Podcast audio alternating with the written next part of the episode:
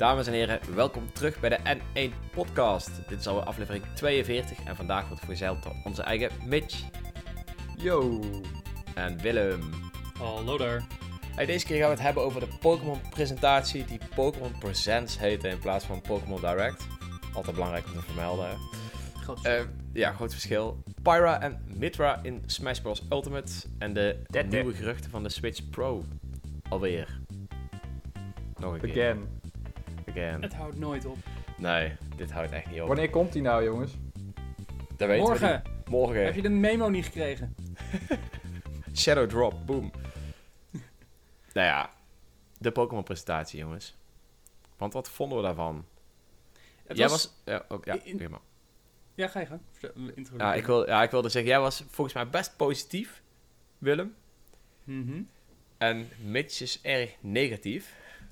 Hè? Hoezo? Hè? Wel, ben je positief, Mitch? Eh, eh, ik, ik weet niet of ik echt super positief ben, maar ik ben niet eh, negatief. Nee, nee, Ah, zeker niet. Nee, oké. Dat is eh, Nee. heftig. Nou, dan eh, ben ik heel benieuwd naar jullie positieve blikken. ik, denk, ik denk dat ik het niet zozeer zou zeggen als positief, maar voorzichtig optimistisch is de juiste, juiste Ja. benadering. Eh, voor de mensen die het gemist hebben, twee grote aankondigingen in die zin. Aan de ene kant, de Pokémon Diamond en Pearl remakes zijn echt... Wauw, ze zijn echt. We hadden het nooit verwacht. Remakes van Gen 4, wauw.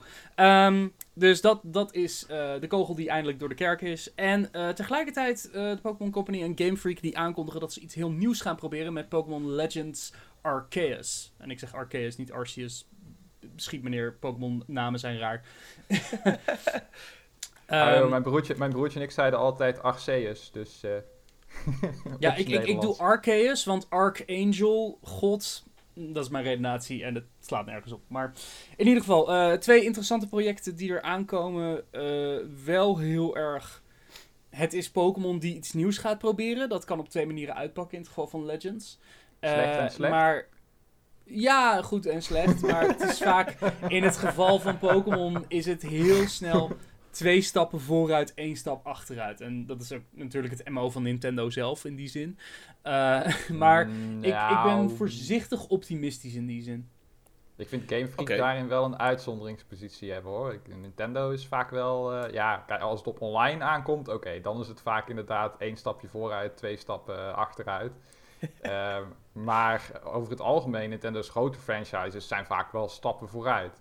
Terwijl bij Game Freak, ja, ik weet niet, die mensen krijgen toch altijd op de een of andere manier voor elkaar om fans teleur te stellen. Of in ieder geval een deel van de fanbase eh, teleur te stellen met dingen die wel in oude Pokémon zitten, zoals Wonder Trade, als we dan of eh, Wonder Trade, ehm, niet het beste voorbeeld. Eh, maar bijvoorbeeld dat dag- en nacht systeem wat in Gold en Silver zat en dan opeens eruit gesloopt wordt in Ruby en Sapphire, terwijl dat echt super vet was. En dan denk ik echt van waarom? Ja, maar aan de andere kant denk ik dat dat die games allemaal weer een eigen identiteit geeft. Dus dat is niet eens zozeer waar ik heel erg mee zit. Kijk, weet je, het probleem met Pokémon fans is dat Pokémon fans in hun hoofd een ideale Pokémon game hebben die nooit gemaakt gaat worden. Het zal nooit een Hard Gold Soul Silver 2 worden. Het zal nooit een ehm, Emerald 3 worden in die zin. Zal, eh, Pokémon fans, en met name een vocale minderheid, die games Sword and Shield hebben 20 miljoen keer verkocht. Je gaat mij niet vertellen dat alle Pokémon fans opeens geboycott hebben. Het gaat om een hele aanwezige groep die heel erg kan zeuren over dingen. En ik denk Ja. dat bij Pokémon het helemaal gevoelig ligt, omdat veel mensen een nostalgie hebben voor die serie. Maar dat het een franchise is die duidelijk zich richt op een jongere demografie, terwijl hun eerste base ouder aan het worden Ja. is. Ja. Dus je kan niet iedereen tevreden stellen. En ik denk dat de Game Freak daarbij in een bijzondere positie is ten opzichte van Nintendo. Omdat Nintendo heel duidelijk weet, wij doen het voor alle leeftijden. Omdat dat gewoon strak continu is. En Pokémon heeft daarin gewoon dusdanig veel variatie binnen, binnen de eigen franchises. Dat ik. Ik word er gewoon heel moe van dat Pokémon-fans altijd lopen te nitpikken over het kleinste en geringste. En ik loop het zelf ook te doen, want ik weet wat ik zelf chill vind en niet chill vind. Maar aan de andere kant denk ik ook van, dit is een franchise die toch gaat verkopen. Weet je hoe erg wij ook haten op een eerste blik op Legends of de artstyle van eh, Shining Pearl en eh, Brilliant Diamond. We gaan die games waarschijnlijk toch wel halen. Want ja, dat, zo zijn we ook alweer ge, gewired in die zin. Nou, Dus- dat moet je wel voor jezelf spreken. Oh, trouwens, ik heb Pokémon Sword and Shield uiteindelijk ook gehaald. God, Ik shit, oké. En niet Domme. normaal hoeveel podcasts wij hebben besteed aan het afzeiken van Pokémon Sword and Shield. En uiteindelijk hebben we Nee, dat, dat valt wel mee. Dat zijn altijd maar kleine rantjes van vijf minuten of zo geweest. Als je dat allemaal bij elkaar optelt en compileert, dan krijg je één grote podcast. Wat je trouwens misschien zou kunnen doen, Dreon. Zomaar Ja. een idee. Ja, heb je nog tijd, Dreon? Precies. Nee, maar eh, ik denk dat we wel een beetje op de zaken eh, vooruit lopen. eh, want laten we het eens gewoon eens over Pokémon eh, Generations, eh Arceus, Arceus, A- Amahula hebben. Ehm, die game ziet er super vet uit. Je, je kan zeggen wat je wil over het technische gedeelte. Dat ziet er allemaal Mhm. nog niet zo eh, vloeiend uit. En de framerate en bla bla bla bla. Dat klopt allemaal wel. En heb ik daar vertrouwen in dat dat goed komt? Nee, want het is Game Freak. Het bedrijf wat 3D niet werkend kon krijgen met fatsoenlijke framerate op de Nintendo 3DS. mhm. Terwijl de games grafisch helemaal niet zo super intensief waren. eh, Die overworld en dat soort zaken. Maar oké. Maar wat ik wel heel erg mee, wat me wel heel erg meevalt, is dat ik had verwacht van Game Freak dat ze zoiets als Pokémon Legend Arceus pas over 10 jaar zouden proberen. Dus het feit dat ze het nu al doen en die stap zetten en die, ja, die droom Pokémon game waar eh, Willem het eh, over heeft.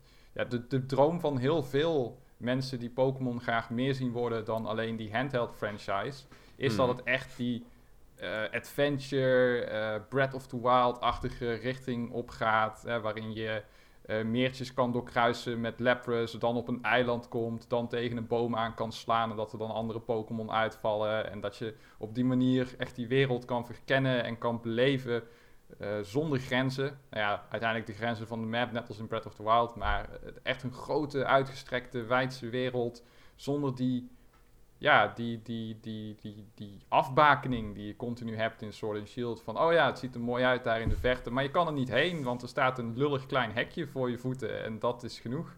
Ja, dus daar- ja. Sorry hoor, Daar maar gaat Sword het and heen. Shield zit al heel dicht in dat gebied. Nee. En dat is in die zin. Breath of the- ik, ik heb er elders op het internet een hele column geschreven over waarom het ge- ongelooflijk gestoord is dat iedereen Pokémon Legends eh, de Breath of the Wild van Pokémon noemt. Alles wat we zagen in deze eerste het eer, alles wat we zagen aan deze eerste trailer suggereert niets van Breath of the Wild. Want Breath of the Wild had in zekere zin de eh, bewegingsopties die dat spel zo interessant maken om te verkennen. De Sheikah Slate is het geheime wapen van Breath of the Wild, omdat je elke mogelijkheid hebt. Alles wat we zagen aan deze eerste trailer, en ik ben positief over deze eerste stap hoor. Ik bedoel, we, zien, we weten nog niks buiten een eerste trailer om. Maar alles wat we zagen aan deze eerste trailer probeert in essentie hetzelfde als wat Pokémon altijd al had. We hebben nog steeds turn-based combat. Het Pokémon vangen in het wild, sure, oké, dat is nu vanuit een andere camerapositie en je hebt een rol. Vertel mij waar je die rol voor gaat gebruiken als er geen. uh, als, je, als je gewoon rondloopt en Pokémon probeert te vangen. Het, het, het probeert iets uit te dragen waar, waarvan simpelweg Pokémon in mijn ogen niet compatible mee is, maar wel een beeld is wat heel veel mensen denken dat het kan zijn. Mm, Nou ja, dat ik, denk dat, ik denk dat je... Oh, ja. Ja? Dat, dat de gelijkenis getrokken wordt. Willem is denk ik niet zo heel gek, hè? De artstijl komt redelijk overeen met de artstijl van Breath of the Wild. Dus dat Sterker nog, sommige shots uit die trailer waren shot voor shot gewoon sommige stukken uit Breath of the Wild. Absoluut, absoluut, maar- mensen die combinatie, gelijkenis trekken, komt natuurlijk ook wel doordat het op die manier gepresenteerd wordt. Daar Ja, denk ik maar- niet wil volgens mij ook Het- gewoon dat we het dat mee verschil- vergelijken.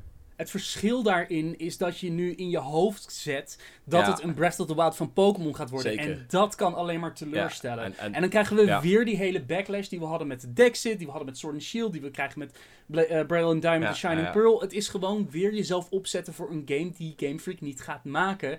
Puur dus- omdat het esthetisch en visueel jou doet denken aan Breath of the Wild. Maar Breath of the Wild heeft een... meteen gelegd, hè? Precies. Ja, die, die, die link leggen is- mensen niet alleen, die link legt Game Freak zelf ook met de manier waarop die trailer is gemonteerd en de beelden die worden laten gezien en de informatie die ze zelf vrijgeven van een nieuwe stap voor Pokémon, weet je wel, dat soort shit. Tuurlijk, dat wordt gewoon en- zelf ook. En Game Freak Ja. weet dat en ze weten ook dat dat scoort, dus dat doen ze ook gewoon zelf. Tuurlijk, maar aan de andere kant is het wel een boodschap die ze uitdragen voor marketingredenen. Ik bedoel, Breath of the Mhm. Wild kan je veel van zeggen. Die eerste trailers waren ook niet heel veelzeggend over wat voor game het zou zijn. We wisten pas van de Great Plateau en alles daar, al die mechanics daaromheen ongeveer anderhalf jaar voor release. Maar ik denk Dus- dat ze zelf ook heel lang niet geweten hebben. Nee, daarom. En ik denk, en ik denk in die zin ook dat het, dat het raar is om direct te stellen: dit wordt de Breath of the Wild van Pokémon. Want de conventies van Pokémon zijn 100% aanwezig in deze trailer. Dus waarom Ja, zou je ja. stellen dat dit de conventies doorbreekt als ik nog steeds turn-based combat zie? Als ik nog steeds het vangen van Pokémon in het wild? Het is gewoon eigenlijk een samenstelling van de Wild Area uit Sword and Shield met Let's Go aspecten. Ja, en ik, ik, En ik denk ook Ja. wel dat, dat de Wild Area daar een test voor is geweest natuurlijk. Om te kijken Absoluut. hoe mensen daarop zouden reageren. En hoe je het ook bent of keert. En wat je daar ook allemaal kan doen in die wereld. Dat, dat het spel een grote open wereld gaat hebben is volgens mij wel duidelijk. Dat is in ieder geval wel de bedoeling van deze trailer Ja, en geweest. dat, en dat, en dat, dat Um, alleen al maakt, het maakt het voor mij de Breath of the Wild van de Pokémon. Kijk, want Breath of the Wild is natuurlijk voor Zelda is dat een hele ingrijpende eh, stap geweest. Uh, maar dat betekent niet dat een Breath of the Wild van Pokémon ook echt een Breath of the Wild van Zelda moet zijn, weet je wel. Met Mhm. physics en puzzles en, en shrines en al die, eh, al die dingen, zeg maar, die Breath of the Wild Breath of the Wild maken. En beklimmen van bergen en een stamina meter en zo. Dat hoef ik niet per se, dat zou vet zijn. Maar ik wil niet dat het een clone wordt van Breath of the Wild, want daar hebben we Ubisoft al voor. Of Genshin Impact. Dus eh, maak er iets unieks van, maar probeer wel die ambitieuze filosofie die achter Breath of the Wild zit, probeer daarvan iets mee te pakken. Van hè, we gaan echt iets, iets vets doen met deze, met deze Pokémon-wereld. En dan hoeft het voor mij echt niet één op één een, een, een clone van Breath of the Wild te zijn met dezelfde ideeën erachter, maar gewoon wel nee, maar dat, ze echt een nieuwe stap nemen. En dat, dat, dat zie ik wel. Dat zie ik wel. Dus dat is een beetje misschien waarin wij verschillen, Willem. Jij ziet meteen de, de doem van... oh ja, het wordt echt geen Breath of the Wild... want dit en dit en dit en dit. Uh, maar ik zie Breath of the Wild zie ik meer als een soort van... generale Herstart. richting waarin ze gaan. Weet Ja, je wel? herstart maar van- niet, maar, Ja. Precies, ja. Maar niet als een... oké, we gaan alle oude elementen van Pokémon droppen... en het wordt nu totaal iets anders. Dat, dat zie Nou ik. ja, er zijn manieren hoe ze dat wel kunnen doen. En een van de, een van de argumenten die ik had gemaakt in die column die ik schreef was van... Hey, oké, het wat, wat Breath of the Wild zo kernachtig maken was juist die verkenning, het ontdekken. Dat heeft Pokémon inherent altijd al gehad. Weet je, in elk gras kan zomaar een willekeurige bijzondere Pokémon eens. zitten. Eens. En dat zie, je, dat zie je nog wel nog steeds. Maar ik denk hoe je dat combineert in zo'n, in zo'n, laten we het een open wereld noemen, omdat we nog geen beeld hebben van hoe dat werkt. Mhm. Hoe je dat kan combineren, is als je net als de Sheikah Slate eh, niet zozeer continu vier abilities hebt die je kan gebruiken, maar dat je de Pokémon die je vangt in die wereld kan toepassen om de obstakels te overkomen. Ja, Vang je een, een Caterpie, gebruik Stringshot om over dit gat te komen. Of als je een ijs-Pokémon hebt, maak een brug van ijs. Weet je, dat, Mhm. dat zijn elementen waarop je, waarop je Pokémon als kern behoudt, maar een zekere mate van eh, relatie trekt tussen de Pokémon die jij inzet en de doel op zich. Weet je, HM-moves zijn niet ideaal, maar het idee van de krachten van, inherente krachten van Pokémon toepassen om een wereld te verkennen, dat is waar deze kern in kan zitten. En ik hoop dat ze op die lijn doorgaan. Maar van wat ik Ja, en nu dan toe heb zie je uit wat deze mij trailer... betreft al... Ja, dan ik heb je wat mij betreft al gewoon wat ik wil. Wat, wat Ja. heel veel mensen denk ik ook willen. Gewoon echt dat de Pokémon worden verweven met, eh, Right. met de gameplay in de overworld. Om dingen te ontdekken en om nieuwe Pokémon te ontvangen. Mhm. Om nieuwe grotten te openen, dat soort zaken. Maar van wat ik tot dusver zie uit dit beeld, lijkt dat niet de richting op te zijn. Het is gewoon nog steeds traditioneel Pokémon vanuit een nieuw camerastandpunt. En in die zin doet het heel erg wat Let's Go en Sword and Shield ook al deden. Dus om dat direct op te hemelen als, oh, door de artstyle, oh, door de shots, oh, door alles, is, wordt dit een soort Breath of the Wild. En dat is dan kan het waar ik bang ben dat het Ja. alleen maar meer teleurstelling gaat opleveren Ja, voor enough, Pokémon game. Ja, Daar ben ik het Ehm, wel mee eens. Dus dat is, dat is een beetje waarom ik you relatief terughoudend was in, in deze hele serie. Dat gezegd hebben, ik, ik hou mijn mind open, want ik wil ook deze game spelen. Ik ben heel benieuwd hoe ze dat insteken. Ehm, maar ik ben, ben voorzichtig, omdat ik denk dat het, dat het ook wel een mainline game is, maar ook op zo'n andere manier wordt ingestoken dan Pokémon zelf is. Weet je, we hebben ook geen twee versies. Dat klinkt misschien heel banaal, maar dat, dat faciliteert sociale interactie tussen spelers. Hoe ga je dat evenaren in zo'n spel als het niet ik hoop dat Breath ze of the dat Wild op dat online... ontdekkingsaspect heeft? eh, ik, ik hoop natuurlijk dat ze dat op online gebied gaan. Dat eh, hebben ze al uitgesloten. Het is echt een singleplayer game. Ouch. Dat is wel bekend. Ai. Ai. Ook qua battlen en traden zit er niet in. Dus ik denk al van, oké, conventies voor Pokémon herdenken, in, in welke stap zet je dan? En waarom zou ik dan dit spelen als ik ook Pokémon XD Gate of Darkness kan spelen, weet je? Zoiets is Omdat meer XD in lijn. Gale of Darkness een ontzettend repetitieve, herhalende, grindy scheid-RPG is. En dat wordt dit ook. dat is dus de reden. Net als Colosseum overigens, maar het ziet er wel cool uit, dus daarom speelden we er toch doorheen. En ik ook, dus ja. Ja, nee, maar ik bedoel, het, het- dat is een Pokémon game in 3D. Dus waarom, weet je, we zijn op die lijn al een tijdje bezig. Waarom zou dit de conventies doorbreken? Nou ja, zoals jij zegt, dus is, er is met Sword and Shield al een stapje in die richting genomen. En ik zie dit als de volgende, eh, De volgende stap. stap. En misschien Ja. gaan ze niet helemaal all, all the way. Maar als ze nu weer met dezelfde Pokémon gameplay komen, maar alleen in een shiny wereld en met wat Let's Go elementen, waar jij voor vreest, Willem. Dan denk ik dat mensen teleurgesteld zullen zijn. Maar ik denk niet dat het onterecht is. Want ik denk dat, ja, sorry, maar dan proberen ze gewoon een nieuw likje verf te verkopen en niet een nieuwe Pokémon experience. Maar dat is Pokémon. Ja, true. Maar En voor die oude Pokémon moet- Experience hebben we gewoon die mainline games. Dus Ja. dit moet zich wel echt onderscheiden. klopt. Anders heeft het voor mij geen meerwaarde. Ergens moet natuurlijk wel een keer die lijn getrokken worden op een gegeven moment. Is iedereen er wel wat een beetje klaar mee. Ja, en sowieso wat jij ook zei over die jongere doelgroep, Willem, dat is niet helemaal waar. Want ze hebben ook een aantal jaren terug in een presentatie eh, laten zien. Met het jaartal en, de, en het event ont, eh, ontschiet me eventjes. Maar waarin ook laat zien dat de doelgroep van Pokémon, dat er ook een steeds groter deel eh, ervan ja, iets ouder is, zeg maar. En dat ze zich daarop ook deels willen targeten, waar ook Pokémon Go bijvoorbeeld uit voortgekomen is. En waar je niet met een, met een tienjarige speelt, maar gewoon met een, ja, wat zal het zijn, iemand van 18, 16 of zo. Maar dan heb je het over de, de avatar waar je mee speelt in die zin. Ja, Niet de avatar waar je mee De speelt. doelgroep, want de Go vo- is ook heel erg, heel erg voor de jongere doelgroep hoor. Ja, maar het, is ook, maar het is ook echt een hit geweest onder twintigers. Natuurlijk, maar dat is ook de nostalgiewaarde geweest van die eerste 150 die erin zaten toen Go lanceerde. Ja. Dus gewoon, Go was, is nog steeds zo'n enorme game-hype in het medialandschap. Daar kan je niet omheen. En dat is voor alle leeftijden geschikt. Ja, nee, dat precies. Maar ik denk wel dat, dat het eh, Game Freak en de Pokémon Company zich bewust zijn van het feit dat ze ook een groot schare gewoon oudere fans hebben. Dus, eh, Ja. En zo'n Arceus zou, eh, zou zich daar meer op kunnen richten qua ja, wat het wil doen, zeg maar. Ja, Dus ik hoop dat ze, echt, eh, dat ze echt dat onderscheid gaan maken. En dat ze denken van oké, de mainline Pokémon games, die zijn inderdaad, eh, voor iedereen, iedereen groeit op met een nieuwe Pikachu. Elke generatie een Pokémon, zodat we kunnen blijven cashen tot in het oneindige. Snap ik, vind ik helemaal niet erg. Maar laat Arceus dan de onderscheidende factor zijn die zich ja, toch wat vernieuwender en gedurfder en misschien ook wat voor een lichtelijk ouder publiek eh, of alle leeftijden opstelt. Minder, vang, minder vangrailtjes. ja. Ik ben eerst benieuwd. zien dan geloven. Ik ben benieuwd ja, of ze het gaan doen. Hey, ehm, nog even terug denk ik naar generatie 4 was het volgens mij. Pearl Ja. en Diamond. Was het Shining Pearl en... Eh, Shining Pearl en Brilliant, Diamond. Diamond. Ja. Ja, wat vonden Ja. jullie daarvan? Wat Wil vonden jij jullie... eerst, Mitch? Ja, wat, wat, wat vonden jullie van de gekozen artstyle? Dat is natuurlijk wel eh, Nou, even wennen. Ik, eh, ik las heel veel teleurstelling op het, op het internet. Maar toen ik het voor het eerst zag, dacht ik van... Oh, dat is eigenlijk best charmant. Het ziet er soms wel een beetje cheap uit. Ik bedoel, eh, er werden screenshots uitgelicht waarin je zeg maar... Ze proberen een soort van die tileset van eh, dat alles een tile is. Ja. Proberen ze zeg maar te mixen met eh, normale graphics. En soms gaat dat niet helemaal goed. Dus dan zie je bijvoorbeeld nog twee vierkantjes water over het gras heen.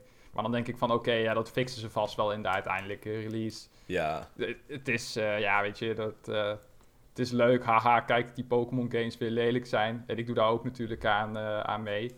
en mensen hadden natuurlijk ook wel verwachtingen, hè. Want eh, er is een soort van ehm, onzichtbaar contract eigenlijk tussen Game Freak en de fans. Dat als er een Pokémon remake komt, dat die dan gaat draaien op de engine van de huidige generatie. Dus mensen hadden verwacht, oké, we krijgen Pokémon Diamond en Pearl, maar dan met Sword and Shield engine en misschien wat verbeteringen hier en daar, weet je wel, zoals Omega Ruby, eh, Omega Ruby en eh, Alpha Sapphire.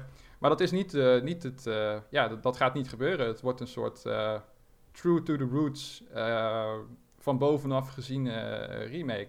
Ja. En het roept bij mij wel eh, gevoelens op die ik ook had bij Hard Gold en Soul Silver. Van, hey, doet me daar een beetje aan, eh, aan denken. Dus ehm, Ja, en het komt voor full price in de winkel te liggen. Wat natuurlijk ook wel weer een beetje. mm, Ja, goed. discutabel is.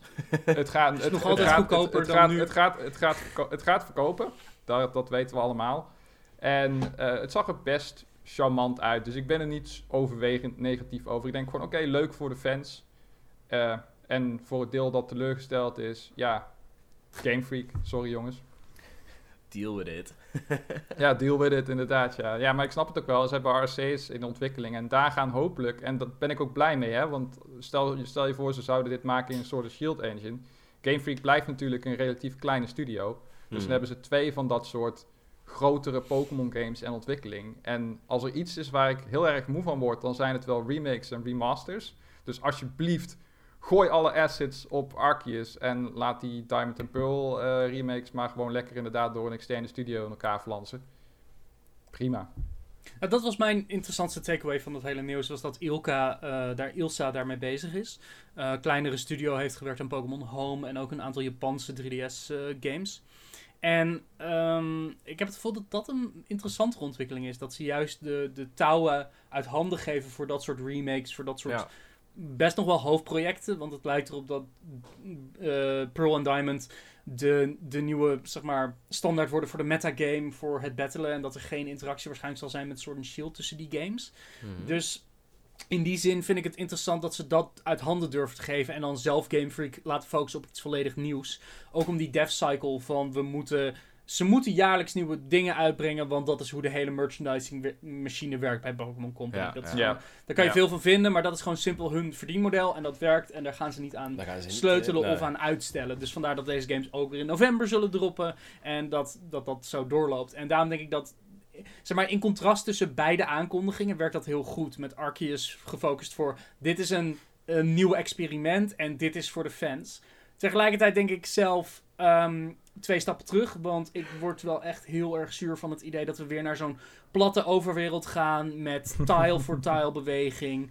Ehm, grafisch spreekt de game mij persoonlijk niet aan. Dat kan zijn omdat de lighting nog niet werkt. Ik vind het er te plastic uitzien. En niet op de manier waarbij Link's Awakening dat in de hele esthetiek doortrok en heel charmant maakte. Maar hier voelt het nog, nu nog goedkoop. En ik denk dat dat Ja. met wat lighting gefixt kan worden. De modellen is niet per se het probleem. Ehm, maar er moet gewoon nog, er moet nog wel wat gebeuren, duidelijk. Ehm, dus, dus ik ben voorzichtig optimistisch in die zin ook over deze aankondiging. Tegelijkertijd denk ik ook van. Wat, wat is het nieuwe? Want de remakes hebben altijd Fire Red Leaf Green, eh Heart Gold Soul Silver, Omega Ruby Alpha Sapphire hebben altijd iets nieuws toegevoegd. Al was het Mega Evolutions, al was het een nieuwe eh, extra episode, al was het you know, extra side eh, bijmodus. Wat gaat Brilliant Diamond en Shining Pearl voor nieuws toevoegen aan deze remake? En eh, ja, dat, is toch wel een beetje waar ik meest van uitkijk. Ik denk dat Dynamaxing vanuit Sword and Shield hier niet echt een plek gaat hebben. Maar ja, ik weet het niet. Ik, ik hoop dat ze toch nog ons een beetje verrassen met de volgende trailer. Van hey, dit is ook wat nieuws waarom je zou willen spelen. Weet je, als ze, al zeggen ze van de Battle Frontier eh, met die eilanden in eh, Platinum komt terug. Alleen dan uitgebreider. Kijk, dat is voor mij wel een reden om zoiets weer te halen. Of dat ze inderdaad een soort epiloogje hebben voor Arceus eh, of Giratina. De Giratina. Ja, dat, episode. dat, dat zie ik wel gebeuren. Ik denk dat er een epilogie is voor, eh voor Arceus. Want, eh, en dat gaat dan een soort van eh tied in met het begin van, eh, van Pokémon eh, Legends, eh, Arceus of zo. Zoiets zal het wel zijn. Ja, ik dacht een Distortion World episode. Een beetje gefocust op Giratina, want dat is de tegenhanger van Arceus in de lore. Dus dat werkt dan weer heel erg sterk. Dat hadden ze toch al in Platinum? Ja, in Platinum hadden ze dat al, maar ze kunnen dat zeg maar wat verder uitdikken. Want de Distortion World was, ik denk, drie schermen en dan ben je er doorheen. Dus dat Ja, kan wel ja, wat meer ja. aandacht gebruiken in die zin. Uh, Ja. Het is ook nog niet helemaal duidelijk hoeveel elementen van Platinum erin zitten. Er was één NPC gespot, weet ik, uh, Ja. die in Ja. Platinum zit.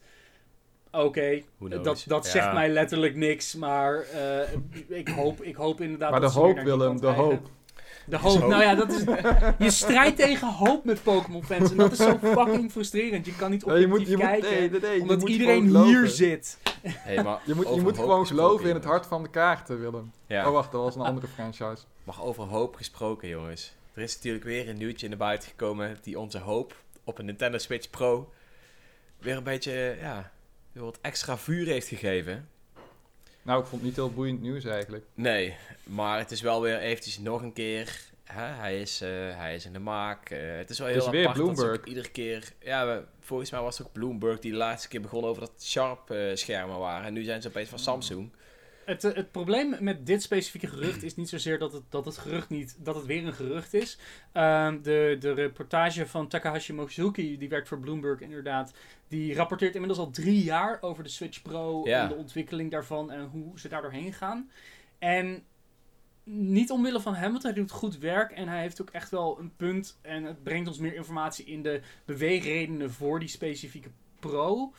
Maar op dit punt is het zo van nieuw scherm, nieuwe bezel, betere batterijduur. Ja. Ehm, ik, denk, ik denk wat er interessanter is aan dit specifieke gerucht is dat voorheen het altijd zich focuste op ehm, de, de foefjes en de vernuftigheid. Dit keer lijkt het echt op de grafische kant te gaan en dan specifiek dat scherm en die upscaling naar 4K door een nieuwe dock. Dat vond ik bijzonder omdat het niet gaat over de inhoudelijke processor die aangepast wordt, maar meer grafisch een upgrade. En ik weet niet hoe jullie daar tegenover staan. Zouden jullie een Switch Pro halen als het alleen een grafische upgrade bevat voor die upscaling en voor je scherm zelf, zonder daadwerkelijk de performance te veranderen? ja, de performance is op dit moment wel echt een dingetje. hè. Tenminste, eh, nou, we pakken even de trailer van Pokémon Legends erbij. We weten dat de game een beetje beta alpha is natuurlijk, maar ehm, alsnog zie je, zie je gewoon dat, dat de Switch dat grafisch al bijna niet trekt. En dat kan natuurlijk ook nog wel liggen aan dat ze nog lang niet klaar zijn met de ontwikkeling. Maar ook, Maar eh, pak je hebt het ook gemerkt bij Super Mario, hè? Bowser's ja, Fury Fury. heeft er echt last van af en toe dat hij gewoon Pak spikes gewoon zonder Bowser's duidelijke Fury erbij, inderdaad. Ja, En ja, en Breath of the Link's Wild had het Awakening. ook. ja, Breath of the Wild. Link's Awakening. Awakening. Link's er- Er zijn Awakening. gewoon meerdere and Ja, er zijn gewoon meerdere first-party Nintendo-titels die daar last van hebben, wat je niet gewend bent bij Nintendo. Dus dan denk ik van ja, oké, dan is het wel echt langzamerhand tijd voor iets meer power, zodat die framerate in ieder geval verbeterd kan worden. Maar dan ja. lees ik in dit gerucht vooral dat ze zich gaan focussen op de ja, grafische output, zoals Willem eh, zegt. Maar ik, ik ben daar niet in super technisch onderlegd. Dus kan een deel van die power, als het naar 4K gaat, kan een deel van die power dan ook niet gebruikt worden voor, oké, we gaan het of 4K maken, of je krijgt het eh 1080 of 720p, maar dan wel met een iets betere framerate. Ik heb het gevoel met hoe Nintendo de Switch wil verkopen dat ze dat niet zouden doen als het niet inherent in het systeem zelf zat. Die dock, daar wat technische snufjes aan toevoegen voor die upscaling, dat klinkt logisch. Maar daar echt een performance boost aan koppelen, zou een beetje het idee weghalen van de Switch als universeel apparaat on the go en thuis. Nou, kijk, de technologie gaat gewoon vooruit, hè.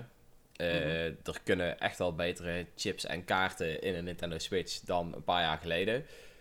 Ehm, dus als ze heel dat apparaat gewoon nieuwe hardware zouden geven, dan zou het natuurlijk nog helemaal niet zo heel gek zijn. Maar de vraag Ja, er is, is, ook een, er is ook een ja, precedent, hè? hoe duur is Er dat? is ook een precedent. Hoe bedoel je? Met de nieuwe Nintendo 3DS.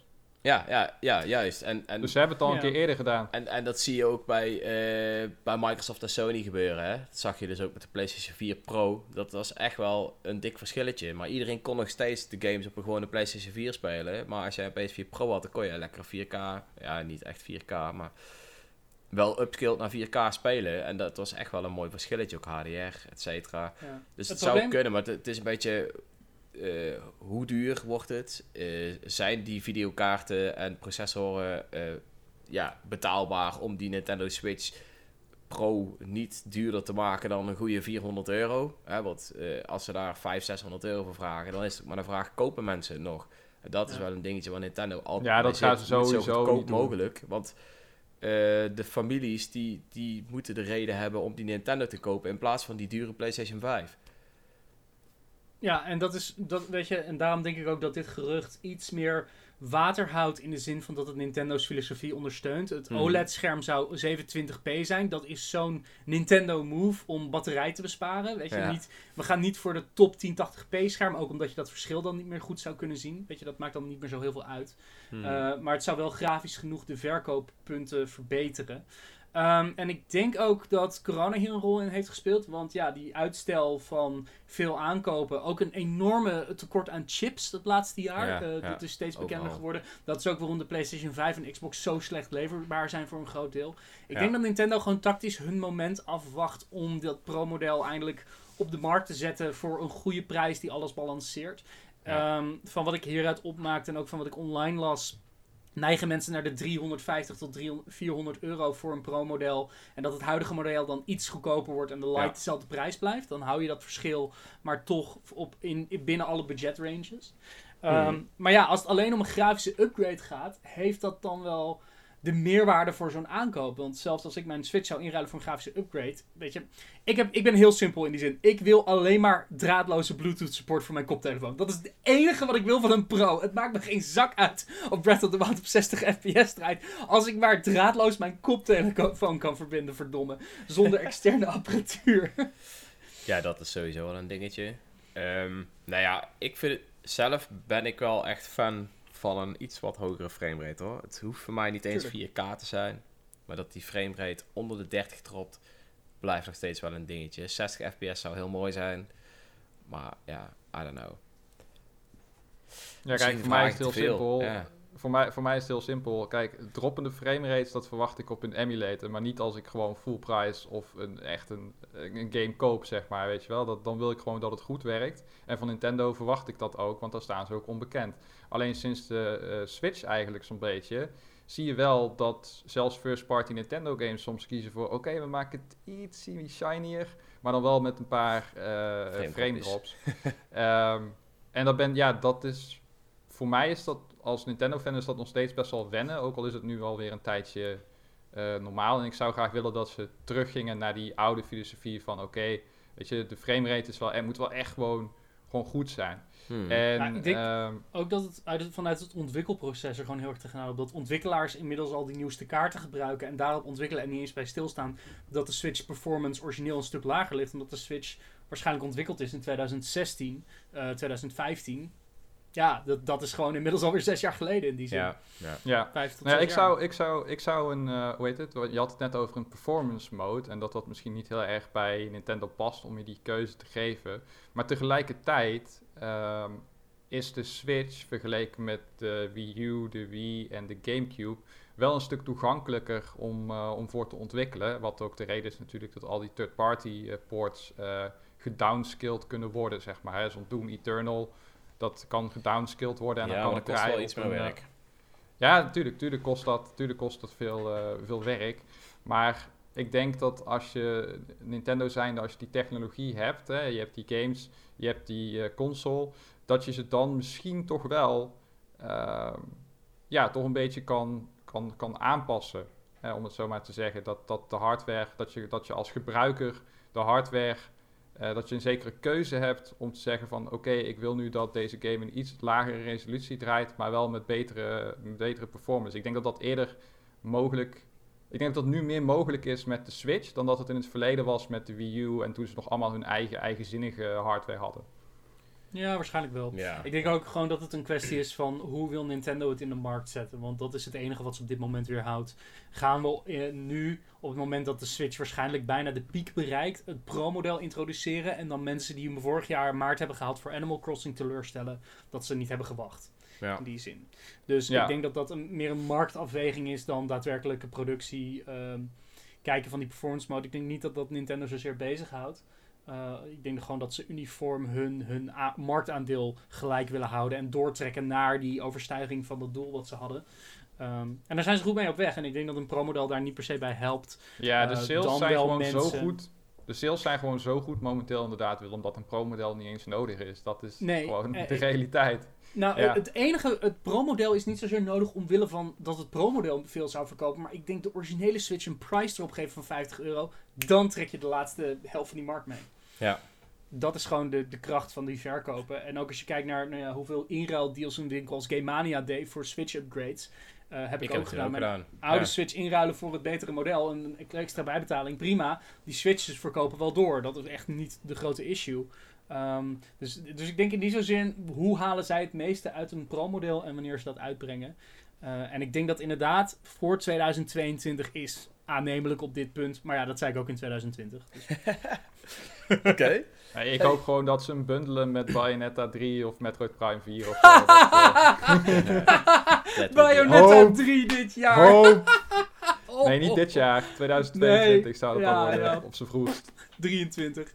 Maar hoop. Maar hoop. Hoop. Eh, jongens, nog één ding. En dat is natuurlijk Mitch zijn specialiteit. Pyra en Mitra en Smash.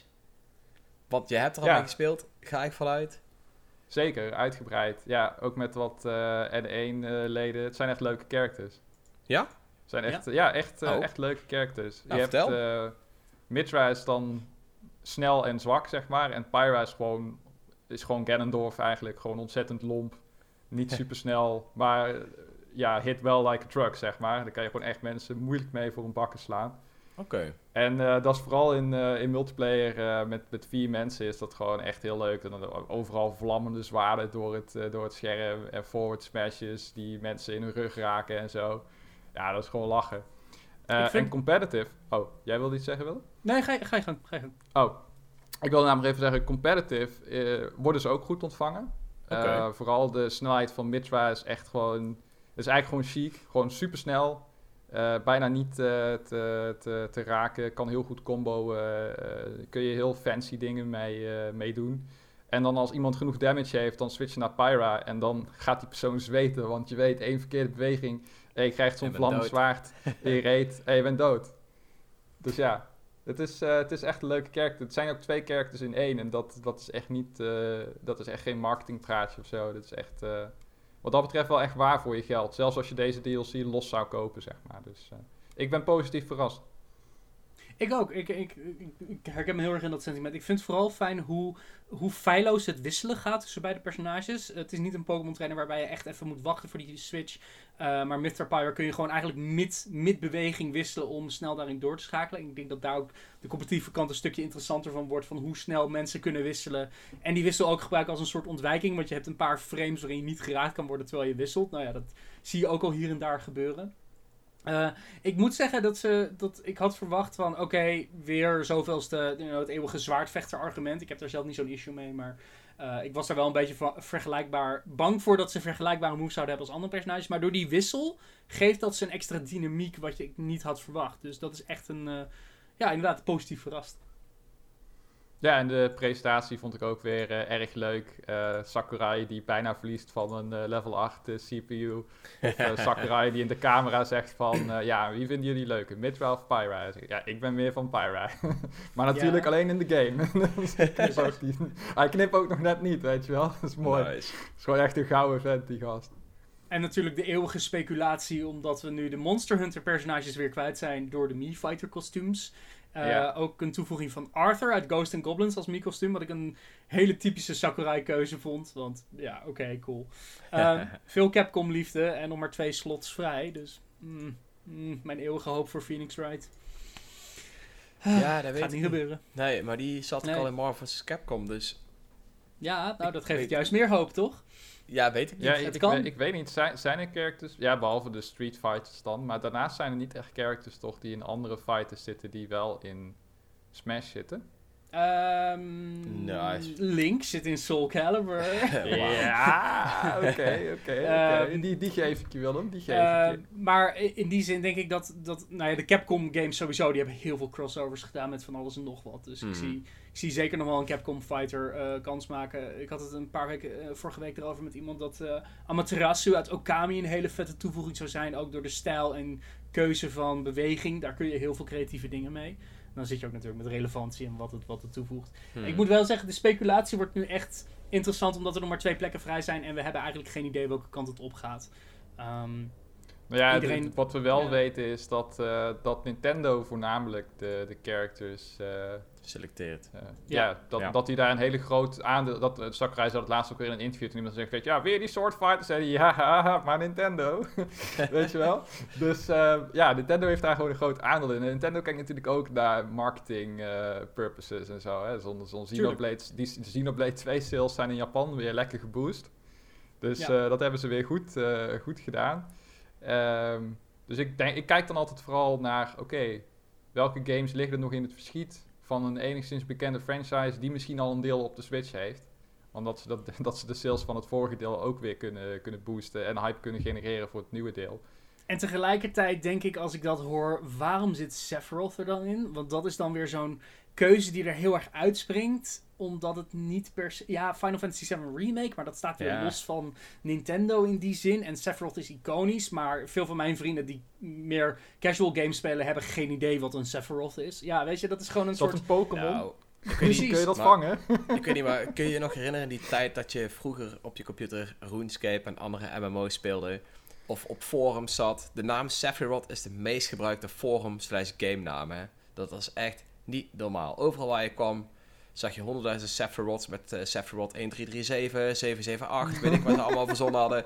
Iedereen heette Sephiroth. De Sephiroth is Ja. toch wel heel erg... Maar dat is wel een generatiedingetje hoor. Want, Ja, want zeker. jongere generaties zullen daar Ja, maar dat- weet dat, je, eh, Maar en de- dat is ook de, de, balans tussen deze ik ook passen. alweer een wat oudere generatie dan... M- Maar dat is wel de balans tussen deze paspersonages. Ja. Want Ja. weet je, min-min, oké, Nintendo, Pyramithra ook in die zin. Steve universeel, gewoon herkenbaar voor iedereen, praktisch gezien. Ook vanwege het feit dat het zo'n eigen duidelijke Minecraft speelstijl met zich meebrengt. Sephiroth voelt dan eentje voor de fans, slash, you know, iets wat Wel een leuke crossover, hè? Leuke crossover en meer Final Fantasy representatie, wat ik wel als argument begrijp. Maar vanuit een Nintendo perspectief denk ik, dit voelt meer als een Sakurai keuze dan een Nintendo keuze, als je mij begrijpt. Nou, Je eh weet ook Sakurai niet heeft wat daar voor- ook nog iets over gezegd. Hij heeft eh, toen in datzelfde Swordfighter interview eh, had hij volgens mij het ook over de, de, de redenatie achter sommige personages. En dat, die, eh, en dat ze ook kijken naar welke personages hebben echt een legacy, zeg maar. Dus eh, Ja. zo'n Banjo-Kazooie bijvoorbeeld, Ja. of zo'n Sephiroth. Die hebben wel echt een legacy. En dat is dan misschien niet per se marketing voor eh, een andere Nintendo-game, maar wel marketing voor Smash, waarmee Smash weer in de aandacht komt. Ja, gewoon echt een grote... in het nieuws, in het nieuws blijft. Ja, dus daar, zeker. eh, Ze daar zou je in die, in die hoek zou je ook personage nog kunnen zoeken. Ja, en ik maak ook zeker een onderscheid tussen persoonlijke droomlijst en realistische keuze. hoor. Dus in die zin, weet je, ik, ik heb niks met Crash Bandicoot. En ik, Ik heb ook vrienden niet. die keihard overtuigd zijn dat het de volgende is, omdat Crash weer helemaal relevant is. En ik denk Zou van, kunnen. ja, Mm. maar aan de andere kant denk ik, Sakurai heeft nou niet echt laten blijken dat hij zo graag met westerse studio's werkt. Dus waarom zou je nu een Activision erbij betrekken voor Crash? Ja. Ja, dat is wel waar. Dus het is ook een beetje van waar, waar, waar trek je zelf de grens en wat biedt een uniek personage in die zin. Eh, zelfs als ze die legacy al hebben. Nee, qua, Ehm, maar qua Capcom-personages, eh, dan zou ik denk ik wel eerder gaan qua relevantie. Of misschien, ja, niet Ja. relevantie. Maar qua legacy, dan denk ik toch wel iemand uit Resident Evil 4 als Leon of zo. Ja, aan de andere kant, Resident Evil heeft al Spirits gehad, post-DLC. En het lijkt erop dat ze dat dan echt wegschrijven als niet meer mogelijke personages. Who knows? Dus Mm, ik weet het niet. Ja, ik vind Spirit-theorieën ook echt zeer discutabel in die zin. Ik vind Resident Min Min had Evil logisch, maar... Hm? Min Min had toch ook een Spirit? Ja, maar die Ja. was voor in de base game al. Dus die, eh, Resident Evil is echt na de Ah. uitkomst van de game als... Spirit Extra Theory content. goes deep, man. Ja, dat is, dat is.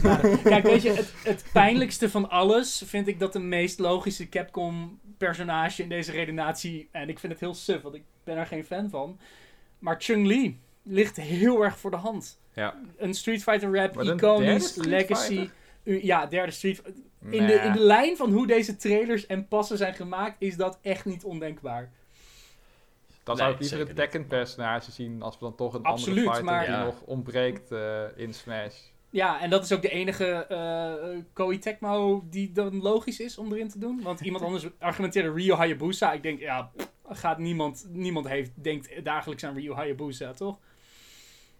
Niet? Ja. Dank voor Oh. jullie stilte. Wie is Ryo Hayabusa? Oh. Ja, Ninja Gaiden. Ja. Ninja Gaiden. Gaiden. Gaiden. Hé, maar jongens, ik zie je daar wel even bezig zijn. Maar ik wil eigenlijk tot slot nog wel even weten wat we hier allemaal aan het spelen zijn. En misschien waar we nog naar uitkijken. Ik begin even bij jou, eh, Willem. Wat ben Ik, jij eh, ik momenteel ben- aan het spelen? Ik ben, eh, ik heb de afgelopen maand best wel veel gespeeld. Ik ben gedoken in, nou ja, we hadden hem net al, Resident Evil. Hmm. Ik, heb, eh, ik ben eindelijk mijn belofte van begin 2021 gaan doormaken. Ik ga alle Resident Evil games af dit jaar. Ik ben net klaar met Resident Evil 2 Remake. Die game was gruwelijk vet. Ja. Zodanig dat ik niet geslapen heb twee nachten. Nice. Eh, maar ik, ehm, ik heb op de Switch wat meer gefocust op The Messenger. Eh, een eh, eh, Mhm. 2D-platformer uit 2018 die verandert halverwege in een Metroidvania. Super Ja. cool. En ik ben nu bezig aan een recensie voor een game die heet Everhood. En ik, ik heb hem... Ik heb alleen maar één zin gehoord van iemand en dat was... Oké, dan moet ik dit gaan proberen. En ehm Undertale, maar een rhythm game. En in, echt de strikste zin van het woord, het behandelt heel erg dezelfde schrijfstijl, dezelfde overwereldstijl. Maar in plaats van bij Undertale, waarbij je echt een RPG slash bullet hell shooter speelt als je in combat gaat, is het hier een rhythm game waarbij je eh, aanvallen moet ontwijken.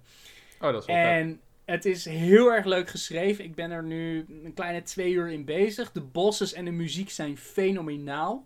En ik zie dit ook wel een beetje eenzelfde soort potentie hebben als Undertale, waarbij mensen opeens heel erg zien wat voor bijzondere personages dit is. Het gaat ook weer heel erg over, you know, dieper dan alleen in het spel. Eh, geef je menselijkheid op en tijd en wordt onsterfelijk. Mhm. Nou ja, ik, ik zie de fantheorie al online eh, gek worden. Ehm, dus dat is er eentje om echt in de gaten te houden. Want die game is eh, ongelooflijk tof. Ik ben eh, heel van wat ik tot nu benieuwd. toe gespeeld heb. Ja. Nice. Nice, nice. Tof. En Mitch. Eh, ja, Smash dan sowieso. Smash. Eh, Ja. ik, ben ook, ik heb ook weer wat oude Zelda's opgestart. eh, namelijk Twilight Princess en eh Wind Waker HD. Om toch een beetje alvast te beginnen met het vieren van de Zelda Anniversary. Eh, dus daar vermaak ik me weer, eh, weer prima mee. Toch weer leuk om er even een playthrough eh, te, te doen. Zo even een paar, eh, even een uurtje op een dag of zo. Ik moet me zo inhalen, omdat ik heel bang ben dat de, de Wii U-versies dit jaar de Switch gaan bereiken. Ja, weet Dat is je, mijn ik, angst. eh, ik, ga er niet, ik ga er niet op wachten en ik ga ze ook niet opnieuw kopen. Want Nintendo kennende zit er toch, ja, is het gewoon een pakket met die twee games bij elkaar als je geluk hebt. Hmm. En weinig extra's. Dus eh, ja, ik ben maar gewoon opnieuw begonnen. en ik, Fair vond het, eh, ik vind het wel wel leuk. Ehm, en dat is ook slim, want dat weerhoudt me er ook van als die games dadelijk aangekondigd worden van... En mijn hand gaat naar die portemonnee, zo van... Nee, nee ik heb dit pas nog gespeeld. Ik heb dit pas Zelda nog gespeeld. op het Ik heb toilet. dit niet nodig, Willem. Ik heb dit niet Zelda Nodig. op het toilet! Nee, ik, Ja, maar ik wil, ik wil de Triforce niet ontheiligen met een... eh, nou ja, laat maar. Ik ga niet in details eh, treden, maar... eh, Maar nee, Zelda ga je niet op het toilet spelen, Willem. Dat is een AAA premium franchise met een... eh, ja, nee dat, dat, nee, dat doe je gewoon niet. Die hoort niet. Je zegt net zelf dat je er niet opnieuw 60 euro voor uit wil geven. En nu is het een AAA premium franchise. Ja, precies. Ik ga niet het uitmelken van die AAA premium... Ik ga niet het devalueren van die franchise ondersteunen. Dankjewel, dit was mijn spreekbeurt. Nice. Eh, daarnaast, eh, daarnaast ben ik ook begonnen, want ik ben echt in een replay eh, bij. Nadat ik, ik heb Blue Fire 100% uitgespeeld. Of nee, eh 95% uitgespeeld. Maar volgens mij 100%. Maar er is een of andere bug waardoor ik een item niet kreeg Ja. na een, eh, na een sidequest. Het ging om twee van die, eh, twee van die swords. Dat je Hm. die, ehm, dat ene mannetje in die, eh, in die Rust Village, die moet je dan ehm, een soort van roos geven die hij dan geeft aan zijn geliefde. En als je dat gedaan heeft, dan hebben ze opeens samen een kind gekregen. Want Ja. dat, die mannetjes die planten zich heel snel voort, zegt hij dan. dat is letterlijk vijf minuten in game, by the way. Dus dat vond ik echt Ja. heel grappig. Ehm, maar ja, dat zwaard, dat kreeg ik dus. En toen crashte de game. En toen startte ik daarna weer op. En toen zei dat mannetje dus tegen mij gewoon zijn standaard teksten. Maar dat zwaard heb ik Ah. dus nooit meer gekregen. Maar ja, Ja, eh, klein smetje op en verder eh, echt fantastisch, eh, fantastische game. Eh, ga het ook vooral eh, spelen als je, dit, als je dit luistert en fan bent van, van Zelda of, eh, of Mario of Prince of Persia of Hollow Knight. Of, ga het gewoon spelen. De- je krijgt er echt geen Topgame. spijt van. Kost je ook maar 20 euro, dus dat is een derde van eh, ja, een normale adventure Zelda. action eh, Zelda. ja, precies. Zelda voor de vijfde keer. Ja, hij is vet. Eh, daarnaast eh, heb, heb ik Sonic Mania laatst nog opnieuw uitgespeeld. Heerlijke game. Moet ook echt een keer een sequel op eh, komen. Sega heeft echt goud in handen, maar ze doen er niks mee met die, Mhm. ehm, met die ontwikkelaars. Want die ontwikkelaars zijn zo goed. Zoveel beter dan, ehm dan, wat zij Sonic zelf. Team tegenwoordig uitpoept. Dus Ja. ja. Die Christian Whitehead en, eh, en dat team van hem, dat is echt... eh, die snapt het beter. Dat is hetzelfde als, als, als zeg maar, eh, ja, noem eens een franchise Pokémon of zo. Als Pokémon-fans een Pokémon-game zouden maken die zoveel beter is dan Pokémon. De, Mhm. Hey, de kans dat dat gebeurt is gewoon klein, maar het is wel echt vet als het gebeurt, zeg maar. Ehm, dus ja, ik ben een beetje in een replay-mood. dus eh, ja, Ja, heel lekker. in lijn met eh, de Switch. Dus eh, Lekker bezig. ik vermaak me wel. En jij, Dreon? Nou, ik zelf ben momenteel heel veel bezig met Bravely Default 2. Oh ja, nieuwe games. Ja, Hoe is die, die? eh, die is eh, wanneer verschenen? Vrijdag? Klopt dat? Dat wel Ja. vorige week? Nee, vrijdag. Vrijdag, ja. Nee, daar lieg ik. Een week eerder? wel niet meer. Kan hoor. Ik heb in ieder geval meteen gekocht. In het eerste weekend geen tijd gehad. Nee, het was volgens mij wel vorige week. Ik had toen nog niet echt tijd gehad. En daarna eh, heb ik hem opgepakt. En ik vind hem super vet. Want de dingen die je kunt doen met je jobs en zo is echt... Dat is echt, echt awesome. Alleen hoe het verhaal tot stand komt is een beetje meh. Beetje zo van, oh, ik kom heel toevallig kom ik die gast tegen. Oh, we gaan samen. Oh, ik kom er nog twee tegen. Oh, kom, we gaan met z'n allen gezellig eh, de wereld redden. En dat vond ik wel een beetje jammer. Waarbij je bij de gewone Bravely Default zeg maar echt had dat jouw, eh, jouw village eh, was volgens mij afgebrand. En je moest alles weer opnieuw herbouwen. Eh, volgens mij kwam je ook niet iedereen uit je party meteen tegen. Maar was dat ook een beetje geleidelijk aan. En dat was naar mijn mening wel, ja, wel iets meer wat ik altijd hoop in een. RPG. Ehm, maar verder, zeg maar, als, als dat eenmaal zover is, moet ik wel zeggen, het is wel echt een hele leuke game. Het combineren van al die jobs is gewoon, is altijd een leuke uitdaging om te kijken, oké, wat kan ik allemaal bij elkaar stoppen om een zo vet mogelijke party te maken. Ehm, en ja, ik ben dus ook aan het experimenteren geweest met die Beastmaster en zo. Het is echt wel, eh, ja, echt wel een vette game. Dus daar ben ik nou mee bezig. En voor de rest eigenlijk helemaal niks. Makkelijk. Dat ja, maar daar ben je ja, ook wel dat even zoet mee, denk ik, hè? Met die RPG's voor jou altijd. Dat is, eh, zal weer een uurtje of 50 Oh, worden man. of zo. Ik weet nog wel dat, dat moment waarop ik vijf verschillende RPG's achter elkaar ging reviewen.